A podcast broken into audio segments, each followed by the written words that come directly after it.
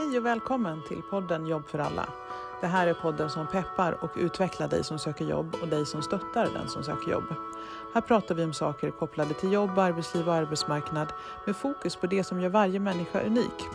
Här hör du oss, Leila och Kylan, samtala om hur man kan utveckla sitt jobbsökande. Här förmedlar vi våra personliga tankar och reflektioner kring arbetsmarknadsfrågor och arbetslivet i Sverige idag. Följ oss gärna på Instagram och tveka inte att skicka in frågor så kanske vi besvarar just din fråga i podden. Men häng med, nu börjar vi med veckans avsnitt. Eh, Det har varit ett tag nu. Eh, Jag har liksom hela våren har gått och tänkt så här. Snart ska jag, snart ska jag, snart ska jag. Men det har liksom inte blivit av. Jag har varit, alltså den här våren har varit helt hysterisk. Men eh, på gott och ont. Men jag tänkte i alla fall eh, välkomna alla tillbaka till podden och eh, välkomna min nya poddkollega! Woo! Välkommen! Tack, tack. Det här är jätteroligt. Ja, hur känns det? Eh, Jag är så nervös. Jag är jättenervös. Det är första gången jag gör något sånt här. Men jag pratar ju väldigt mycket på min fritid så nu får alla andra här prata också. Mm. Ja, men det, det är därför jag ville ha med dig också. För det, det, det, alltså när, jag, när jag skulle starta podden så var jag så här, ska jag intervjupodd, ska jag ha någon att, att prata med? Alltså så här, eh, och det, det var lite det som ledde till att jag kunde inte riktigt komma på någon som jag, skulle, som jag kände att jag kunde ha den här dynamiken med i samtal. Ehm, så då blev det intervjupodd liksom. Ja. Och då körde jag det under hösten eh, och fungerade jättebra. Men det tar så mycket tid. Eh, dels att bjuda in folk, hitta ett datum som passar båda parter. Det det. Eh, och sen liksom så här, förarbete, efterarbete, allt sånt där. Och så ska man liksom sitta och alert under hela intervjun samtidigt som man tänker på okej, måste ha en följdfråga och sådär.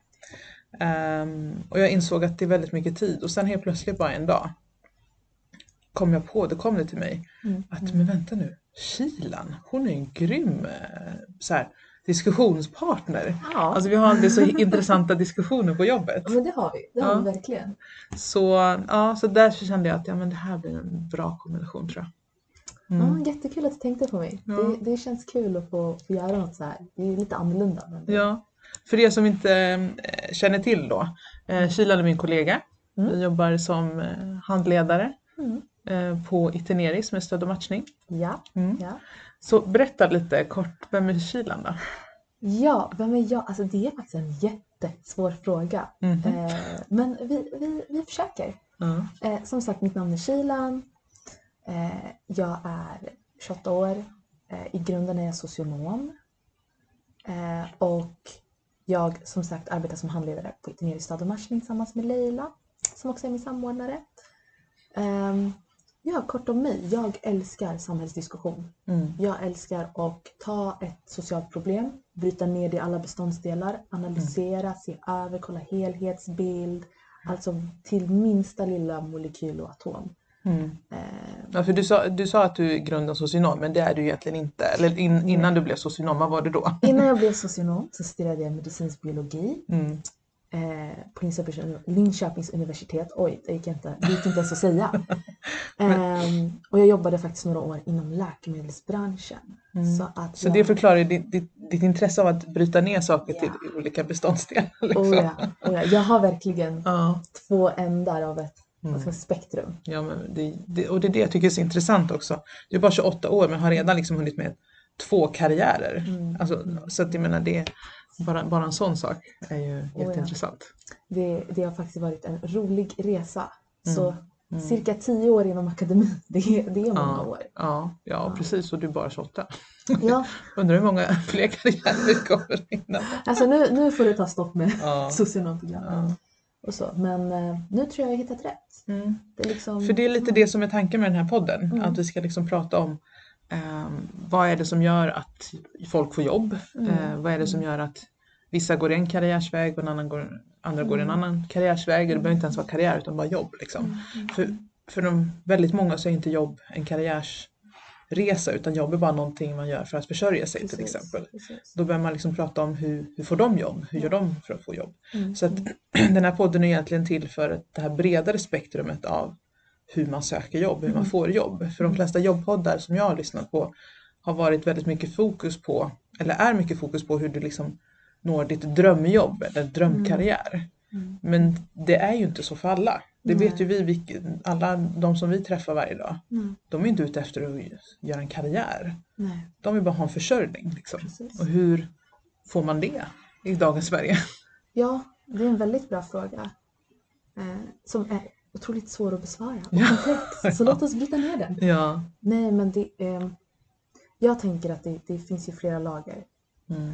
Dels så behöver man ha förståelse för att jobb inte betyder samma sak Mm. för alla människor. Mm. Och det är som du säger, för vissa handlar det om en överlevnad, en försörjning, Mm. en, en levnadsstandard som är skälig nog till att kunna leva. Mm. För att kunna ha tak över huvudet, mat på bordet, kläder på kroppen. Eh, och ett intresse för en karriär blir då inte så viktigt när det handlar om att du ska kunna klara dina basalaste Mm. behov. Mm. Eh, och det, det, det måste vi ha en förståelse för. Ja, men samtidigt det som gör det svårt är ju att individen vill bara ha ett jobb för att kunna försörja sig. Ja. För att i dagens samhälle så behöver du ha en inkomst för att Ja. kunna liksom klara Ja. ditt levebröd. Men ur en arbetsgivares perspektiv Mm, mm. så struntar ju de i det. Ja. De bryr sig inte om att du har räkningar att betala. Nej. De vill ju liksom veta varför ska vi anställa just dig? Precis. Då kan man liksom inte komma med ja, men jag måste jobba för Nej. att försörja mig. Utan då måste ju individen tänka på ett annat Precis. sätt. Liksom. Och det är lite det som vi, vi märker, och jag har märkt Mm, genom alla mm. mina år som jag har jobbat med Mm. arbetsmarknadsfrågor, att det, den aspekten missas ofta. Eh, att förmedla till individen. Man Mm. fokuserar på de här liksom, praktiska sakerna. Mm. Du måste skaffa dig en utbildning, du måste få Mm. erfarenhet, du måste ha ett nätverk. Mm, mm, Okej, det är de liksom yttre mhm, sakerna. Men, men hur är det med de inre, interna Precis. sakerna? mm. Prat, hur mycket pratar vi om det? Inte alls mycket Nej, faktiskt. jag tycker också det Ja. saknas. Ja, väldigt mycket. Mm. Och även inom den branschen vi är i Mm. eh, så är ju fokus också väldigt mycket på just det praktiska. Mm. Eh, för, att, för, att utan det praktiska så kommer man inte komma fram Nej. till ett arbete. Nej. Men utanför det praktiska, det är som du säger, Mm. arbetsgivare har inte alltid den hänsynen till att Mm. varför ska de egentligen ha det? Så det, Mm. det är ju upp till var och en, Mm. blir ju den motiveringen. Eh, men hur får man någon att se en mening i med det de gör utanför det praktiska? Ja, Det är precis. det vi också behöver jobba med. Mm. Att det finns en mening i det, det arbetet utanför det praktiska. Mm. Och det är det som blir så svårt. Exempelvis om man har en, en, en ensamstående förälder eh, med ett par barn och sen kanske man inte har det stödet. Mm. Eh, och sen kanske man har en svårigheter i livet. Då blir ett jobb utifrån det praktiska så mycket viktigare. Mm. När man får ett sådant jobb, vilket är svårt att få. Mm. Då kanske de börjar liksom reflektera över okej, men vad är meningen i mitt arbetsliv? Mm. Men hur kan vi baka in båda grejerna tillsammans samtidigt som man tar hänsyn till en persons situation? Jag Mm. tycker det är väldigt svårt. Ja, precis. Och jag tror att där kommer vi in lite till vad menar vi då med interna saker? Vad är det Mm. som driver? Vad är det som gör att vissa får jobba och andra inte? Mm. Eh, Det är väldigt mycket fokus på att det, det finns diskriminering på arbetsmarknaden, vilket Mm. det absolut gör. Mm. Men vad kan man som individ göra för att liksom öka sina egna möjligheter och, Mm. sina, och förbättra sina egna förutsättningar? Mm. Eh, och sen försöka, jag menar, det är klart att jag har inte fått alla jobb jag har sökt och i Nej. väldigt många fall så har det säkert varit för att man har sett mitt efternamn och så liksom sorterat bort mig på grund av det. Men jag kan inte haka upp mig på det liksom. Mm. Mm. Utan jag måste se, okej vad har jag för andra förutsättningar jag kan utgå ifrån? Mm. Andra styr, mina egna styrkor eller mina egna kunskaper och förmågor som kan liksom, som är en fördel för mig som ingen annan har Mm. utifrån min kombination. Så det är lite så man, jag tänker att fler behöver tänka. Mm. Och jag har ju liksom märkt under de här senaste åren att det är väldigt få som tänker så. Mm. Och det försvårar ju dina möjligheter. Liksom. Man måste liksom ha ett annat perspektiv. Precis. Men, eh, men det jag tänker att eh, det här är liksom första avsnittet på den här Mm. säsongen. Mm. Och ehm, vi kommer liksom prata lite mer som, som ni, ni som lyssnar hör. Vi kommer prata lite mer om interna faktorer mer än externa faktorer. Ja. För egentligen är det extremt lätt att bara googla sig fram idag till hur du skriver ett CV, hur du skriver ett personligt brev, ehm, vilka praktiska saker, hur du går till handling liksom. Exakt. Men vi tänker prata lite mer om de här interna sakerna. Exakt. Vad som har drivit oss Ja. eh, också. vad som har gjort till att vi är där vi är idag Ja. eh, och vad som har bidragit till det. För att eh, vi har ju väldigt olika bakgrunder du och jag, Ja. men samtidigt också väldigt lika inställning tror jag. Mm, mm. tror jag också. Ja, Ja. Så att, eh, men men om, jag, om jag ställer frågan till dig, vad betyder jobb för dig? Och också en väldigt bra fråga. Så vi ska bryta ner. Ja, vi ska bryta ner. Nej, men jobb för mig. Eh, och återigen, med tanke på min bakgrund, jag delar alltid upp saker och ting. Så Mm. jag tar ju den praktiska Mm. aspekten först. Jobb för mig är ju först och främst ur en praktisk synvinkel försörjning. Mm. Det är ju ett, ett sätt för mig att säkerställa att jag har ett, ett, ett skäligt liv, att jag har det jag behöver för att klara min vardag. Mm. Det är en del. En annan del är också att jag har testat mig fram väldigt mycket eh, under mitt vuxna liv kring vad jag vill göra. Jag är en person som drivs av att hitta mening i min sysselsättning. Mm. Så mitt arbete för mig behöver vara betydelsefullt. Det behöver lämna ett avtryck på något sätt. Mm. Ehm, och avtrycket behöver inte vara att, att man ska liksom, göra någonting heroiskt. Mm. Men ett avtryck i att, att jag efter min arbetsdag känner mig nöjd med min insats och känner att det har givit någonting till det samhället jag är en Mm. del av. Det är det som driver mig. Eh, Att jag ska vara med på en, en förbättringsinsats liksom, eh, för det samhället jag är en del av. Mm. Jag drivs väldigt mycket av sådana ideal. Jag tror att väldigt många som, som jobbar med den typen av jobb vi jobbar Mm. eh, med, inte bara liksom arbetsmarknadsfrågor utan om man jobbar liksom som rent socionom eller Mm. jobbar inom någon form av omsorgsarbete eller när man ska Mm. liksom hjälpa människor på något sätt Mm. drivs av det, att man vill hjälpa människor för att förbättra samhället på ett eller annat sätt och det var Mm. exakt det som gjorde att jag hamnade på Arbetsförmedlingen för Mm. det blir 15 år, 15 år sedan nu. Mm. Mm. Ehm, och eh, det, det var liksom min stora vision att Mm. jag ska liksom vara med och bidra till att samhället förbättras och hjälpa människor. Liksom. Mm. Sen har jag kommit till olika insikter om eh, vad som är skevt med, med det upplägget idag. Precis. och det tror jag att vi kommer att komma in på under avsnittens gång. Eh, så jag tänker inte fördjupa mig så mycket i det just nu. Men, men det som jag har kommit till insikt med Mm.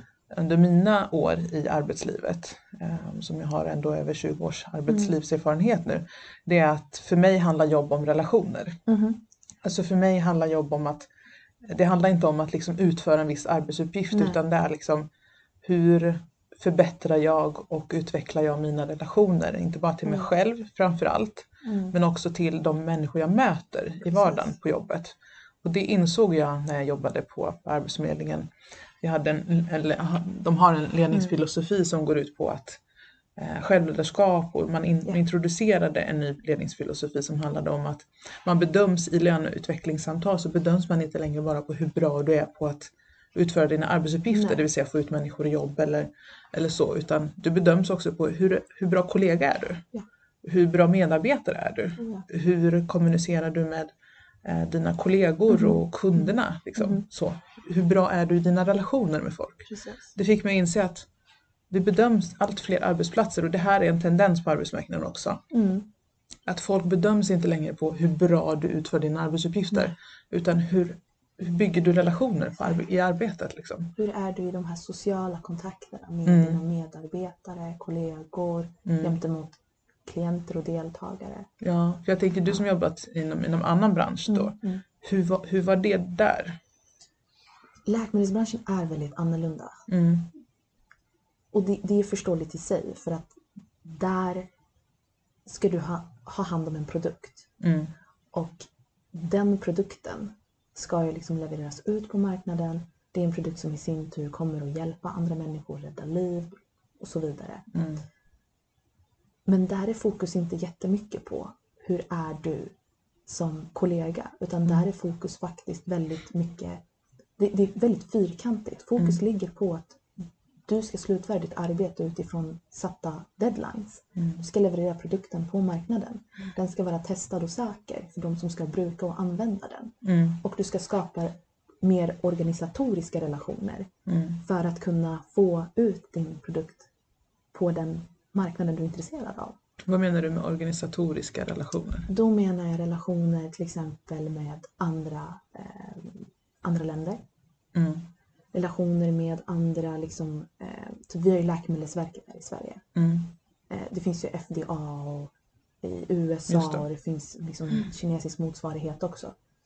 Relationer mellan dessa och det är helt förståeligt för att Men hur, vi behöver ju varandra. utifrån den roll du hade, Mm, mm. hur mycket sådana relationer hade du då? Inte jättemycket sådana relationer eh, på strukturell nivå. Nej. Jag var mer en del av, av produktionskedjan. Mm. Jag var med och liksom kontrollerade kvalitet, kontrollerade så att allting såg rätt ut i den produkten som jag hade ansvar för Mm. och att den, eh, den dokumentationen kring produkten faktiskt avslutades, startades och levererades i tid Mm. och var godkänt utifrån de liksom, begränsningar och premisser vi hade. Men hur, men alltså, nu, nu, jag får en bild av Mm. att du, du liksom klockade in där och så satt du liksom på, ditt, på din plats i Mm. det här laboratoriet som jag föreställer mig att du satt i Mm, mm. och, och, och mekade Mm. och eh, när det var dags för fika så tog du fika. Eller, alltså, hur, hur var de mänskliga interaktionerna på arbetsplatsen då? Ja, det är en jättebra fråga. Ehm, Jag satt faktiskt mest i ett kontorslandskap. Okej. Varför jag gjorde det var för att min roll var att kvalitetsgranska de Mm. recept Mm. eh, och de tillverkningsmetoder vi hade. Mm. Eh, och i det hade jag kontakt med produktionssidan som då var industriell produktion. Eh, oftast satt man för sig själv Mm. på ett, i ett kontor eh, och gick igenom all den här dokumentationen. Mm. Eh, interaktionerna var inte så många, inte med kollegor alltid. Är det så? Ja, för alla, alla satt med sitt, Mm. alla hade sina deadlines, alla hade sina mål, eh, det som förväntades av dem. Mm. Under slutet av dagen ska du leverera ett visst antal, eh, om det är dokumentation eller ett visst antal ar- arbetsuppgifter Mm. för att kunna slutföra det du ska göra. Men då, då blir jag så nyfiken på, med tanke på att du sen valde att ut, utbilda till socionom. Mm. Vad var det som gjorde att du valde att läsa till, vad, vad var rollen? Vad, vad, vad läste Eh, du jag till? var- eh, eh, mitt förra, eh, Precis. det jag läste först var ju medicinsk biologi. Men vad, det- blir, vad blir man då? Liksom? Och det är en forskarförberedande utbildning. Så du Okej. kan bli lite vad som helst Mm. inom den typen av, liksom, inom medicin och biologi. Mm. Och med lite vad som helst då menar jag att du skulle kunna jobba kliniskt på Mm. labb. Eh, du skulle kunna jobba inom läkemedelsbranschen och där finns det många olika roller. Så så länge man har liksom den Mm. typen av utbildning så kan man komma in som labbpersonal, processgranskare, processoperatör Ja. eh, och sådana saker. Mm. Eh, Men först och främst som jag sa, det är en forskarförberedande utbildning. Så tanken Mm. är att man ska doktorera. Vad var det du ville bli när du sökte dit då, eller till den utbildningen? Och min, jag var ju så ung när jag sökte den utbildningen. Mm. Men jag hade någon sån här fantasi om att åh, jag ska komma in och förändra läkemedelsvärlden och forska kring cancer. Gud, Och, vilket storhetsvansinne vi, vi Ja, hade. så mycket! liksom, där satt man hemma i sitt fickrum och tänkte åh, Nobelpris, här kommer Ja. jag. Men när man väl är inne i det, när jag kom in i det, så Mm. kändes det att det här är ju mer av ett intresse och kanske inte en karriär som jag vill Okej. göra. För att jag märkte att jag hade en vision om att jag skulle vara behjälplig någonstans. Och jag fastnade bara i kedjan, i ekorrhjulet. I, en, i, en, i ett, liksom ett, ett företags ekorrhjul. Eh, Det var inte alls som jag hade tänkt mig. Mm. Sen är säkert andra människors erfarenheter eh, inom den typen av life science väldigt annorlunda än min. Eh, men min erfarenhet var den att det här var ingenting för mig. Mm. Men ju- varför just liksom medicin och varför just den typen av inriktning? Hade du liksom några förebilder kring det eller vad, vad fick det in Ja. dig på det spåret? Det som fick in mig på det spåret, tror jag, var lite förutbestämt. Mhm. Och med det menar jag att jag har alltid varit familjens, vad ska man säga, plugghäst, om Mm. man kan uttrycka sig så. Mm. Alltid varit eh, väldigt ambitiös när det kommer till skolan, skolvärlden. Det föll mig bara naturligt att fastna för naturämnena. Jag gick i natur-natur på gymnasiet. För det är det mest avancerade man kan. Oh Läsa. ja, så jag vet inte ens hur jag tog mig igenom matten. Jag har Mm. läst extra kurser inom biologi redan på gymnasienivå. Mm. Och det var bara någonting som jag visste, eller som jag hade blivit inlärd, att det här är en karriär man ska ha. Mm. Sen kan det också bero på vilken bakgrund man är ifrån. Mm. Eh, Jo, Mina det, föräldrar, min pappa är akademiker och sådär. Och hos oss är det ju ändå lite att, att, att vara inom life science är en, en bra grej. Eh, så man vart ju väldigt, väldigt motiverad om man ska säga så här, till, Ja. att, till att testa på det. Nej, men jag, jag, eh, jag förstår vad du menar och vi Mm. kommer komma in lite mer på det i nästa avsnitt Mm. om det här med hur vet man vad man vill göra och så. Exakt, exakt. Eh, så men, men min fr- fråga till dig då, för att jag var också lite inne på det här eh, egentligen att jag valde att läsa det jag ville läsa var Mm. också så här, inte en slump men ja, det, det Ja. är ganska intressant hur man hamnar i de spår man hamnar liksom. Det det. Kommer vi prata mer om, men det jag tänker är hur, hur började du när du skulle börja söka jobb då? När du liksom, eh, för jag antar att direkt vid gymnasiet visste du att jag ska plugga vidare, men när Mm. du var klar då, hur gjorde du när du skulle börja söka jobb? Och alltså just utifrån den utbildningen, det Mm. fanns ju en uppsjö av olika typer av yrkesval, Mm, eh, olika typer utav, ja, men ska, jag, ska jag gå på mastern, ska jag doktorera, ska jag, mm, eh, ska jag söka inom, inom eh, sj- eh, sjukvård, hälso och sjukvården. Det var en ren slump när jag Mhm. hittade mitt jobb. För jag satt, jag, och det här låter så himla ostrukturerat, o, Mm. alltså så olikt så som jag brukar vara. Men jag satt, jag satt helt enkelt och go- googlade hemma i mitt, mitt flickrum och kollade på massa olika möjliga karriärsval. Mm, Och då snubblade jag över ett, eh, ett bemanningsföretag mm, som hade en tjänst ute eh, som eh, översättare eh, inom läkemedelsbranschen. Och med det menar jag att man, man får in liksom tillverkningsmetoder och du översätter dem från svenska till engelska. Jag tänkte okej, men det här är, mm, jag vet inte riktigt vad jag vill göra så jag får testa något så här. Det lät, det lät någorlunda lätt. mm, Eh, och, och mitt CV såg ju, fanns ju ingenting på mitt CV i princip. Jag hade ju jobbat några somrar inom restaurangbranschen. mm, Eh, väldigt enkelt, mm, väldigt enkelt Word-CV. Jag hade inte ens liksom, eh, konverterat om det till PDF. mm, Jag skickade bara in det som det är. mm, Men eh, de ringde mig och erbjöd mig en annan tjänst. Och det var då som eh, processgranskare av mhm. läkemedel. Så inom loppet av en vecka gick jag på intervju och fick uppdraget. Så från översättare till processgranskare liksom? Ja. Ja. ja men det är så intressant det där hur, alltså i vilken ände man ska börja när man ska söka jobb. Och det, Mm. det är som du säger, i vissa fall så är det lite av en slump. Jag tror Ja. inte på slump i sig utan jag tror Nej. att saker och ting hamnar på Där de ens väg när det, när det är liksom så. Och, Eh, för så var det för mig. Alltså Mm. när jag, alltså jag pluggade liksom tre år mm, eh, och hade egentligen ingen aning vad jag ville jobba med. Eller jag Mm. hade ju en idé om vad jag ville jobba med. mm, Eh, jag hade ju den här ambitionen att jag ska börja jobba inom bistånds, någon biståndsorganisation liksom. ja, ja. Så här, rädda världen. Exakt, Rädda Världen-syndromet. FNs sida, all, you name it sådär. Men insåg att nej men det var inte riktigt min grej. Det är alldeles för pretentiöst. Mm. Tills jag såg en annons Mm. och bara, men det är ju precis det här jag vill jobba med. Mm. Och det var Arbetsförmedlingen som gjorde en stor rekrytering under 2005. Mm, mm. Och jag bara, men det här är ju helt rätt inom ramen för, det passar liksom in på hjälpa människor, det passar in på att påverka samhället och bidra till samhället. Eh, och, ja, och så sen också den här aspekten som jag inte alls tänkte på när Nej. jag sökte då, men jag förstår det idag. Det är den här tryggheten och säkerheten. Det är en offentlig sektor, det är statlig myndighet, alltså det kan ju inte bli bättre.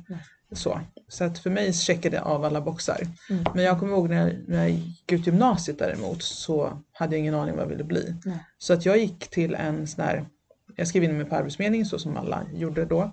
Eh, och gick en sån här söka, eh, söka jobbkurs, liksom. Mhm, mm, så hur man mm. skriver CV och personligt brev och sådär. Så, Och där satt jag liksom bland an- alla andra nissar och liksom lärde mig hur man skulle skriva CV och personligt brev. Liksom. Och det var sådana här konstiga tips som idag, det skulle absolut inte funka. Men Nej. typ, vill sticka ut ur mängden, skicka in ditt CV på ett rosa papper. Liksom. Man bara, idag, man bara, nej gör inte det. inte sådana grejer. Nej, men så, det var, så där lärde jag liksom grunden och jag har liksom hela tiden sö- sökt information. Exakt. Bara, hur gör jag? Eh, Jag vill veta hur. Liksom. Ja. Och det är någonting som jag slås av, att det är väldigt många som inte bemödar sig med att ta reda på hur man gör. För idag är informationen tillgänglig på ett helt ja. annat sätt. Ja. Alltså du har Youtube, du har s- podcast, du har sociala medier. Alltså allting finns där ute. Det är bara liksom googla dig fram. Du har liksom svart på vitt liksom. Precis. Så egentligen borde ju inte stöd och matchningsföretag behöva finnas för att all information finns redan där ute. Men ändå så behövs det, Ja. behövs vi. Mm. Eh, vilket då föranleder mig liksom att göra den här tolkningen då att det, det handlar inte om de yttre faktorerna Nej. utan det handlar i största mö- möjligaste mån om de inre faktorerna. Oh, ja. Eh, så att, och det som har varit den röda tråden för mig det är att Mm. jag har aldrig sett problem Nej. eller hinder utan jag har hela tiden försökt hitta möjligheterna. Okej, det där kanske inte jobbet var, Nej. var för mig men var kan någon som jag användas eller behövas? Liksom? Exakt. Jag har alltid utgått från det. Exakt. Någonstans måste det finnas en plats för mig. Liksom. Ja. Så det har liksom hela tiden drivit mig så till de olika jobben. Ja, ja. Det var allt, har varit allt ifrån vad har jag för språkkunskaper som ingen Precis. annan har? Precis. Vad har jag för mm, andra kunskaper som ingen annan har? Och det Precis. har liksom lett mig till, så som jobbet på Arbetsförmedlingen, det var ju liksom att ja, men, utländsk bakgrund, jag förstår hur Mm, personer med mm. utländsk bakgrund fungerar. Mm. Jag, jag har liksom mycket värdefull kompetens därifrån och då fick jag jobb utifrån det. Ja men vi behöver fler sådana som dig. Så att, jag menar, så om man ska liksom prata om hur man ska börja när man ska söka jobb, det är att vad har jag för kunskaper som ingen annan har? Precis. Liksom? Precis. Och det är så här. När, när jag kom in första gången på ett, på ett riktigt jobb, Mm. som när jag kom in på läkemedelsbranschen och fick testa på det. Det var, det var en så värdefull erfarenhet. Mm. För att mitt... Jag var mer säker på vad jag ville göra när jag slutade gymnasiet än efter jag slutade universitetsutbildning. Mhm. Och jag tänker att det är för att jag hade en föreställning om hur mitt yrkesliv skulle vara. Att det skulle vara linjärt. Att det bara skulle gå rakt Mm. Ja. uppåt. Ja, Och det är allt annat än det. ja. Och utan att, alltså för mig, när det kommer till hur börjar man söka jobb. Mm. Jag håller helt med dig. Att vad, vad är jag liksom bra på? Vad, Mm. vad kan jag bidra med? Eh, vad kan mina kompetenser användas på bästa sätt? Eh, men för mig personligen handlar det också om att utforska mycket. Mm. Utforska mina möjligheter. Eh, och det var det som till, till slut fick mig att byta karriärsbana helt. Mm. Efter ett tag, efter två år inom den typen av, av arbete kände jag men jag har andra potentialer. Mm. Men jag vill utforska vart jag hamnar. Jag vill inte hamna i ett fack och som bara vara kvar där. För att Nej. det är så jag har valt att, att, att liksom lägga upp mitt yrkesliv nu. Det behöver inte vara så hela tiden. Nej. Så jag tog ett, faktiskt ett ganska, det var ett ganska snabbt beslut för mig. Nej, jag, jag vill se vart mer jag kan använda min potential. Mm. Och nu får du ju använda Mm. kilen och inte liksom bara vem kan utföra de här arbetsuppgifterna. Exakt. För det låter ju mer som att där var det bara mer fokus på uppgifterna Ja, och inte på individen. nej. Ehm, Du Det kanske förändras med tiden, jag vet inte. Men, Det var ju för att det, det, man är en del av en så mycket större Ja. operation. ja. Medan här i, i den rollen jag har idag i Mm. Itineris, där är det mer fokuserat på liksom personen, helhetsbilden av personen vi arbetar med. Det är Mm. fokus på de sociala interaktionerna mellan medarbetare, eh, kollegor, Mm. eh, klienter, deltagare. Och det är där jag, jag tycker det är intressant. För det är i det samspelet jag känner att min utveckling kommer, kommer in. Mm. Och att jag kan hjälpa andra att också utvecklas genom att utbyta erfarenheter. Mm. Och det är lite det jag sökte efter Mm. när jag ville byta karriär. Att vart kan jag liksom i interaktioner utvecklas och hjälpa andra att utvecklas. Mm. Nu har du, du, för du är ju fortfarande relativt ny, nyexad Ja. socionom Ja. eh, och du hamnade med stöd och matchning eller Ja. jobbar med arbetsmarknadsfrågor. Mm. Vad är din, eh, vad är, det, är, ja, det är mer än ett halvår nu Mm. in i det här. Vad är dina reflektioner kring vad är det som gör att vissa har svårare att komma ut i jobb tror du? ja, jag tror inte det handlar om det praktiska. Mm. Alltså för att det är väldigt många personer som vi möter på i Mm. vårt arbete som har jättefina liksom, praktiska, eh, vad ska man säga, praktisk dokumentation. De har liksom erfarenheten, de har meriterna. Mm. De har det här, det statiska, det finns redan där. Mm. Alla de yttre faktorerna finns redan där. Men det jag har märkt, som är liksom en, en röd tråd, ett mönster, Mm. är bland annat hur man tycker och tänker om sig själv. Mm.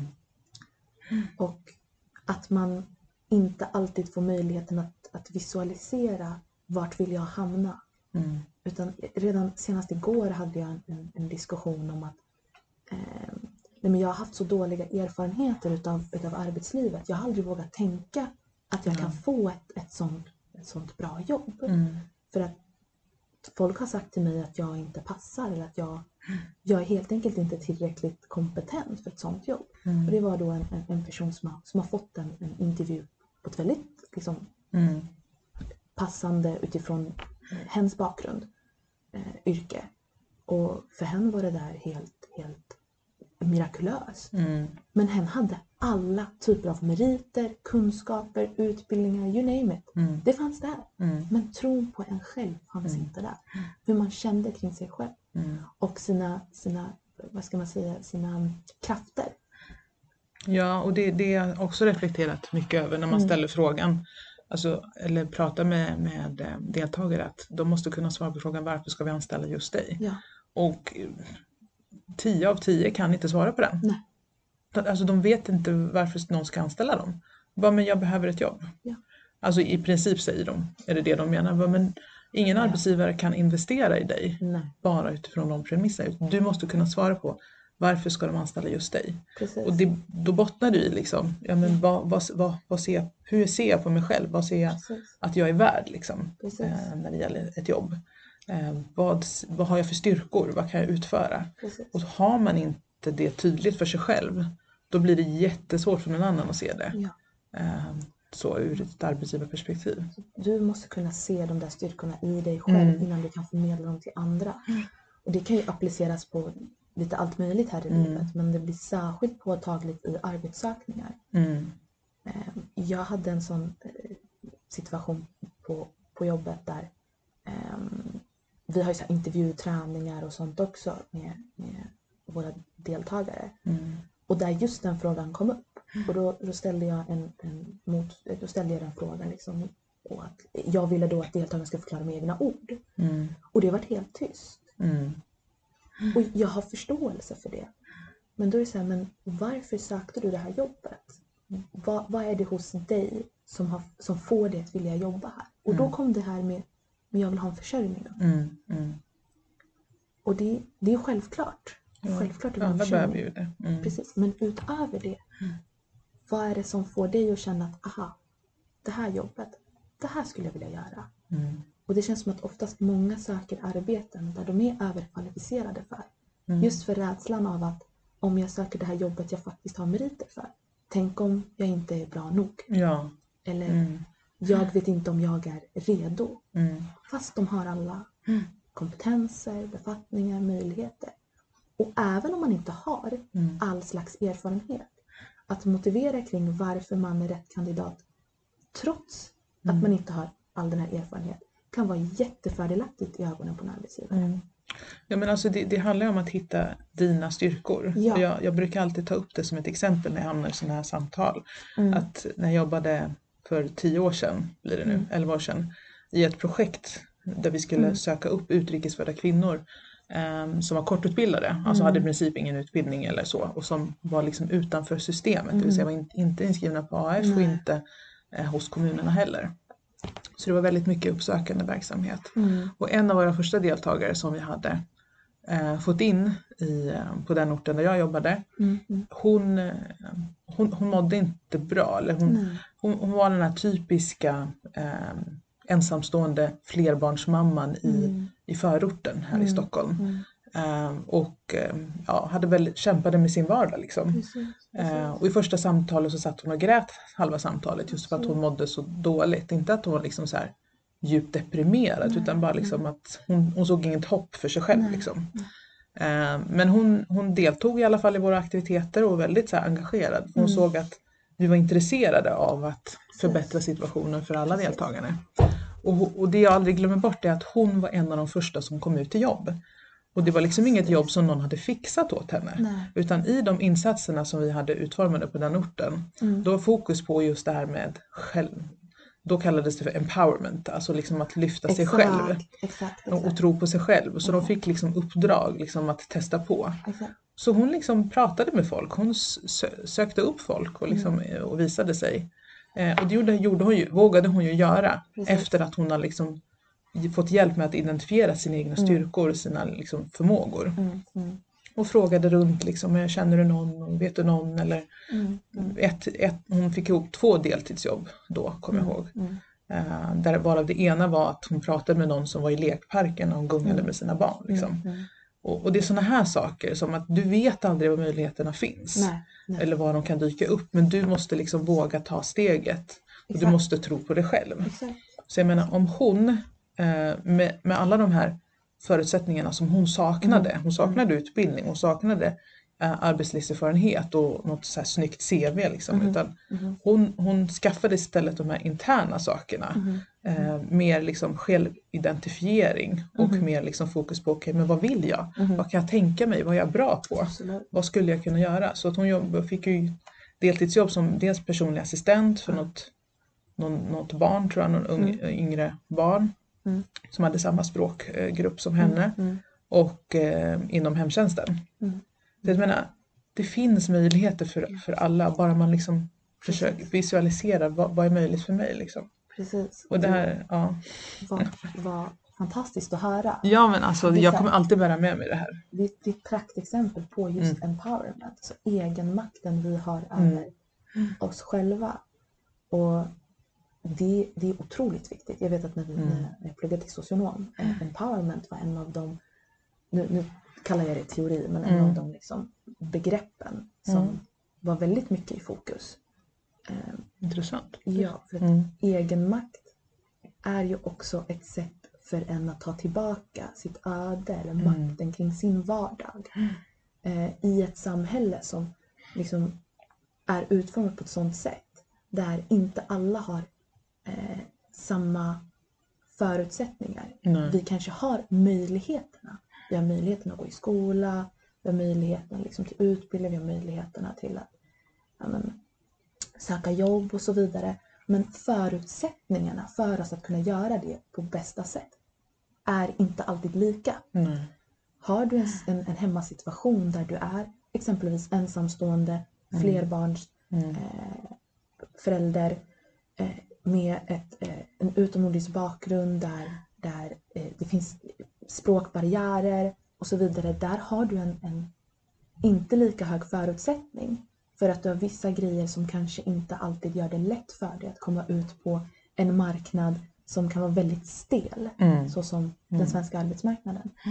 Precis. Att hitta då de här faktorerna kring vad är mina styrkor, Mm. vad är mina kompetenser, vad är jag utanför allt det här. Mm. Det är ett sätt att ta tillbaka makten över sig själv. Ja, för att jag menar alla de sammanhang som jag har pratat med arbetsgivare, Mm. det enda de säger är liksom, ja men får jag bara rätt person så kan jag anställa dem. Mm. De pratar inte om att eh, det, finns, det är klart att det finns arbetsgivare som bara är ute efter liksom att få så billig subventionerad arbetskraft som möjligt. Absolut, men de är i minoritet. Mm. Den absolut stora massan vill bara ha rätt person på rätt Precis. plats. Precis. Och de är villiga att fortsätta leta tills de hittar rätt person. Mm. Vilket gör att du som individ som erbjuder din arbetskraft Mm, måste liksom vara säker på vad kan just jag erbjuda. Exakt. Ehm, ja. Ja, och jag tänker att jag gillar verkligen de här reflektionerna eh, vi har för att det är särskilt i det typen av arbete vi gör, vi ser ju det här dagligen. Mm. Samtidigt som vi behöver ta hänsyn till det strukturella. ja men och de precis. strukturella faktorerna och så. I och med att förutsättningarna för olika människor är så pass olika, även Mm. i ett land som Sverige. Och att i, tillsammans med de här inre stimulis, de här inre motiverande faktorerna, Mm. att försöka att, att arbeta med dem samtidigt som man har den här strukturen över sig som kanske inte ger dig alltid samma förutsättningar. Mm. Det kan vara jätte, jättesvårt. Och då tycker jag våra roll som Mm. handledare blir extremt viktig. För att vi är ju en del av det samhället. Vi är ju en del av den, av, av den auktoriteten, den maktstrukturen. Så hur vi bemöter, hur vi motiverar, hur vi lyfter upp våra deltagare blir Mm. extremt viktigt också för deras inre motivationsfaktor. Mm. Jag hade, jag hade senast den här veckan en, en person som sa att tack för att du lyssnar, tack för att du tror på mig, Ja. för att du liksom motiverar mig. Men Det det gör så mycket Det gör jättemycket. Eh, faktiskt. Ja, ja, det, det här är också en historia. mm, mm, mm. En, en av mina första, inte en av mina första, men en, alltså jag var fortfarande ganska ny som arbetsförmedlare Mm. och, och träffade en tjej Mm. eh, som, alltså hon satt liksom med korsade armar så här. Ja. Första mötet, så här inskrivningssamtalet i princip. Ja. De första två, tre samtalen vi hade eh, så satt hon i princip så här. Ja. Och det enda jag gjorde var bara lyssna och ställa lite så här Precis. frågor. Precis. Jag var ju ganska grön, alltså jag var ju inte alls rutinerad utan jag, jag bara applicerade för jag såg att hon, hon är inte mottaglig så Nej, då, nej. då backade jag lite. Mm, mm. Eh, och fokuserade på att bara lyssna in på henne och, och, ställa lite frågor där, jag, Mm. där jag kände att här är lämpligt att ställa frågor och Mm. liksom ge förslag, där det Mm. gick att ge förslag. Tror inte, eh, efter några månader så kom hon till ett möte Mm. Och var helt sprudlande glad. Mm. Jag bara, oj vad är, vad är det som har hänt? Och hon sa att Nej, men jag har tänkt väldigt mycket efter våra samtal och insett att jag ska flytta härifrån till en annan stad. Okej. Det här var Jönköping, jag jobbade i Ja. Jönköping då och hon skulle flytta till Göteborg. Ja, ja. Eh, För att hon såg fler möjligheter där. Hon hade liksom, jag tror hon hade ett nätverk där också. Ja. Hon kände liksom att nu känner jag framtidshopp. Gud vad kul. Alltså hon var så sprudlande glad. Jag hade inte gjort någonting. Förutom att bara lyssna och ställa lite frågor. Mm, mm. Jag insåg idag att det var en slags coaching men, Ja. men alltså hon var så glad så att hon bara, men kan inte vi hålla kontakten? Du får höra av dig om du kommer till Göteborg. Jag bara, men, Alltså, ja. Alltså det var så häftigt att se. Med så här små medel liksom. Ja, absolut. Och det är många... Det är någonting också man måste ta med sig. Att Det Mm. handlar inte alltid om vad man säger. Nej. Det handlar om att man ger utrymme för Mm. personen som kommer till oss. Mm, För det kommer människor till oss som är med om hur många olika grejer som helst. Mm, Det är inte alltid arbetsrelaterat. Det kan finnas så mycket andra grejer i, i bagaget mm, som eh, påverkar Mm. eh, deras livssituation. Att sitta tillbaka och låta en människa få berätta om sitt liv är att ge tillbaka makt till den personen som Precis. kanske är i en, i en maktlös position till att börja med. Ja, de kanske har erfarenhet av att aldrig bli lyssnade på. Precis. Bara en sån sak. Bara, Oj, det är någon som lyssnar på mig. Det, det är någon som tar mina erfarenheter och det jag Ja. säger på allvar. Mm. Det gör otroligt mycket för en människas känsla av egenmakt. Ja. Och det är så pass viktigt. Så med väldigt små medel så kan man nå ut till människor på Mm. bästa sätt. Mm. Jag håller med. Ja. Ja, det här samtalet håller på att bli mycket längre än vad vi hade tänkt ehm, kan jag säga. Eh, Men det får vara så tycker jag. Ja, för att det här är liksom första introduktionen till våra reflektioner och tankar kring det här med Precis. söka jobb och jobb överlag. Liksom. Ja. Och, det, och jag tänker att det ska liksom vara fokus på de här interna sakerna och vad som händer inombords. Liksom. Ehm, så så det, det jag tänker att vi sammanfattar det med, Mm. eller hur Mm. skulle du sammanfatta våra reflektioner idag kring det här med hur gör man när man söker jobb? Mm. Ehm, vad tänker du? Jag tänker att eh, när du har klart de praktiska grejerna som CV, ansökningshandlingar, kontakt med arbetsgivare och dylikt. Sätt dig ner och fokusera på vad är det jag vill med det här jobbet? Eh, vad är det som motiverar mig till att söka det här jobbet? Vad vill jag Mm. eh, med det jag gör just nu? Mm. Och finns det andra möjligheter för mig utanför det jag gör för tillfället? Att ha en själv, självreflektion kring vad du kan bidra med, vad din Mm. potential ligger i och vad du faktiskt eh, förtjänar. Mm. För jag upplever att många nöjer sig eh, Mm. för att det känns som att nej, men, det här är, jag gör bara så här mycket. Jag vågar inte riktigt ta hela steget ut. Mm. Så självreflektion. Ja, ja, jag håller med. Jag Mm. tänker, och, och framförallt att bära med sig frågan varför ska de anställa just mig? Precis. Vad gör mig unik? Precis. Det tror jag är en viktig sak. Så självreflektion och, och fundera ut vad, Mm. vad, varför ska någon anställa mig? Det tror jag är jätteviktigt att bära med sig. Ja, ja. Ehm, så att jag tänker att eh, vi avrundar där och sen tänker jag också nämna eh, att vi, eh, vi uppmuntrar er som lyssnar att Ja. skicka in frågor som ni vill få besvarade. Mm. Ehm, det kan vara allt som är kopplat till jobb såklart och arbetsliv och arbetsmarknad.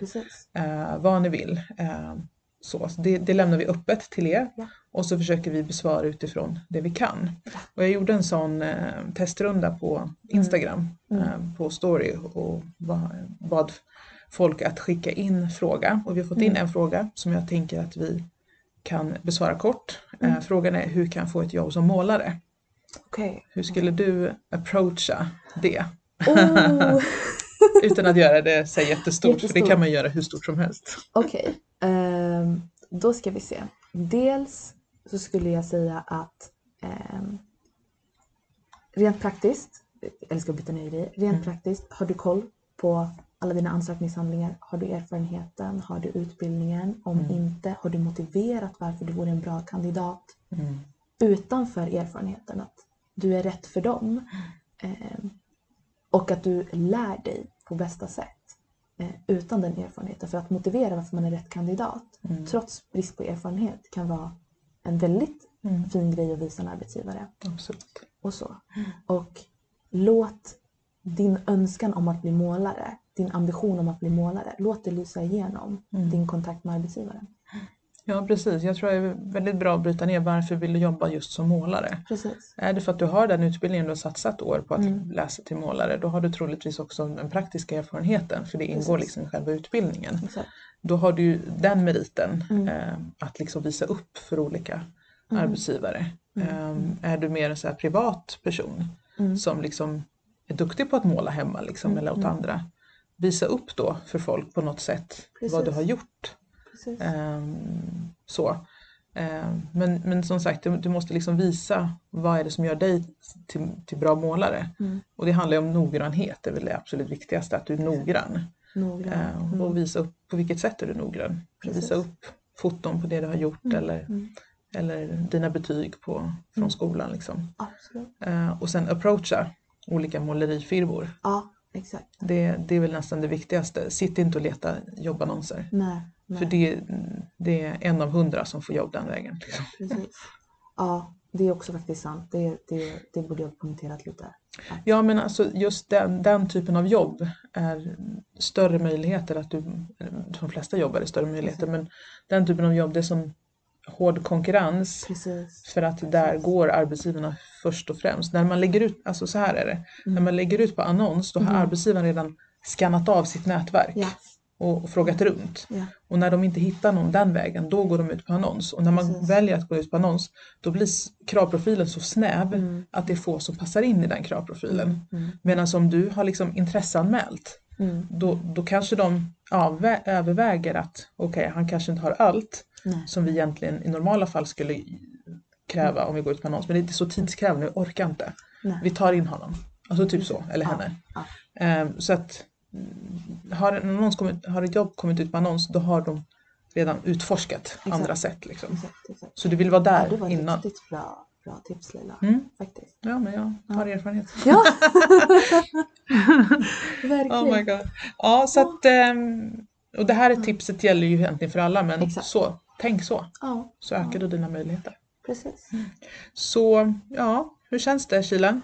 Alltså jag har genom hela, jag vet inte om du märkte Leila, jag har typ skakat genom Nej, hela. nej! Jag har varit så nervös och jag hoppas ni ska överseende med min skakiga röst. Nej, gud, det har jag inte Eh. ens märkt. Men eh, det, det ska bli kul Mm. att att ha den här podden tillsammans med dig. Var jag ser fram emot Mm. så blir jag en, en säkrare kylan med, med tiden när vi, Ja, när vi kör. inshallah. Inshallah.